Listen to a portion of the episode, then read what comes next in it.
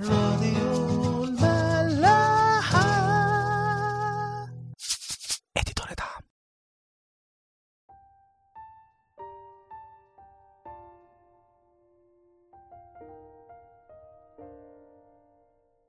مساء الخير وأهلا بيكم في عيشهم معي امبارح كنا حكينا مع بعض قصة رحاب والجاسوسين اللي يشوع بعتهم عشان يتجسسوا على أريح شفنا قد إيه رحاب الزانية كان عندها إيمان قوي بإله شعب إسرائيل.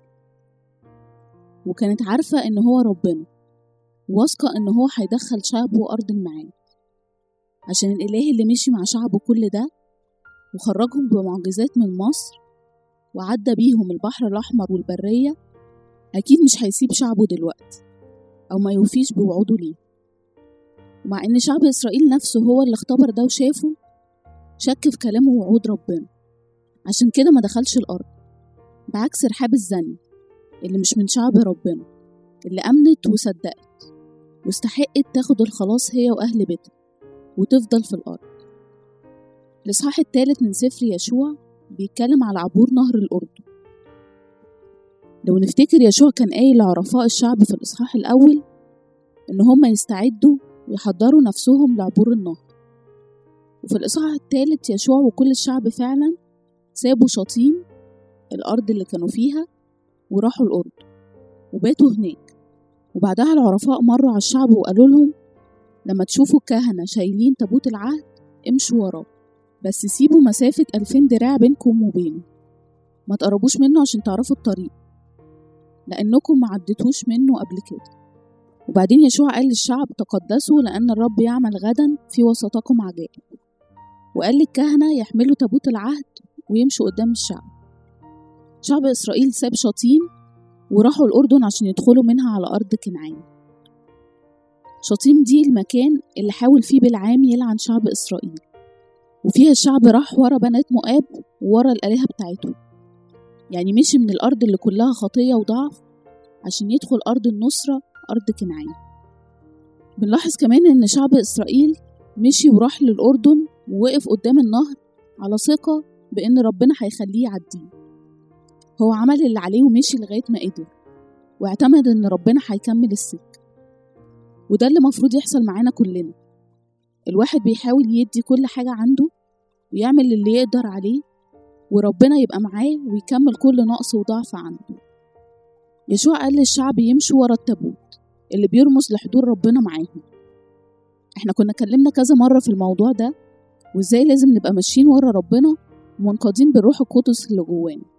ما ناخدش أي خطوة من غير ما هو يرشدنا ويقول لنا عليها الأول. يشوع بيقول لهم هنا كمان إن هم يسيبوا مسافة ألفين دراع بينهم وبين التابوت. لأن زمان كان في حاجز بيننا وبين ربنا. والحاجز والحجاب ده منشقش إلا في العهد الجديد.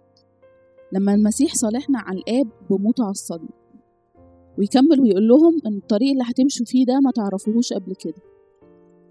المهم إن إحنا نبقى ماشيين ورا ربنا حتى لو مش شايفين الطريق أو المستقبل والصورة مش كاملة قدامنا.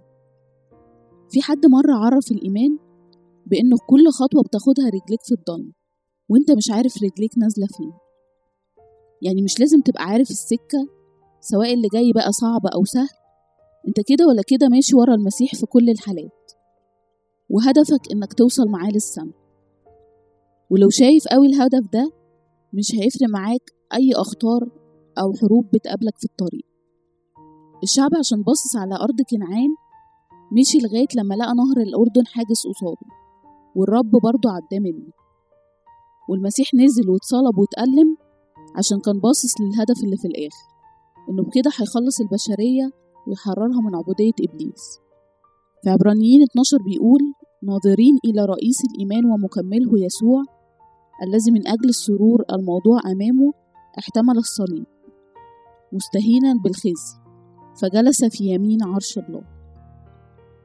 عشان ربنا يعمل معجزة ويعدي شعبه نهر الأردن يشوع قال لهم تقدسوا لأن الرب يعمل غدا في وسطكم عجائب. لو عايز ربنا فعلا يشتغل فيك ويعمل بيك حاجة كبيرة لازم تتقدس وتتخصص ليه. تنزع من حياتك كل خطية أو شهوة أو إله تاني بيسود عليه.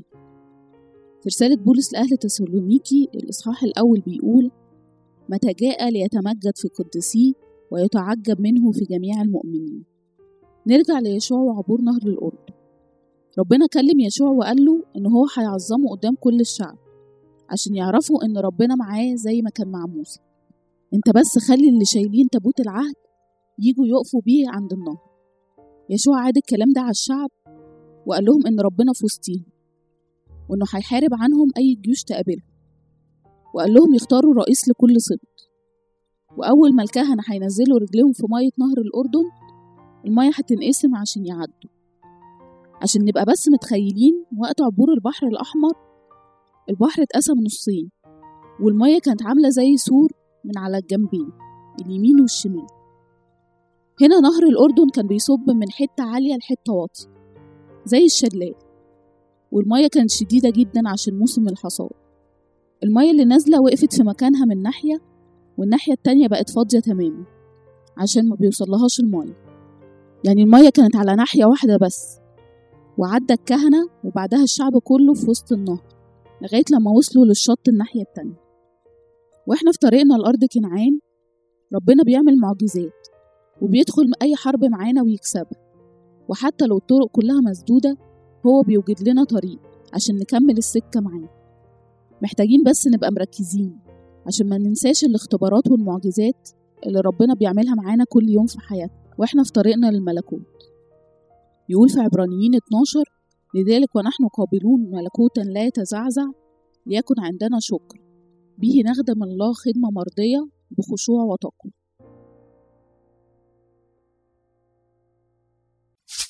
راديو ملاح.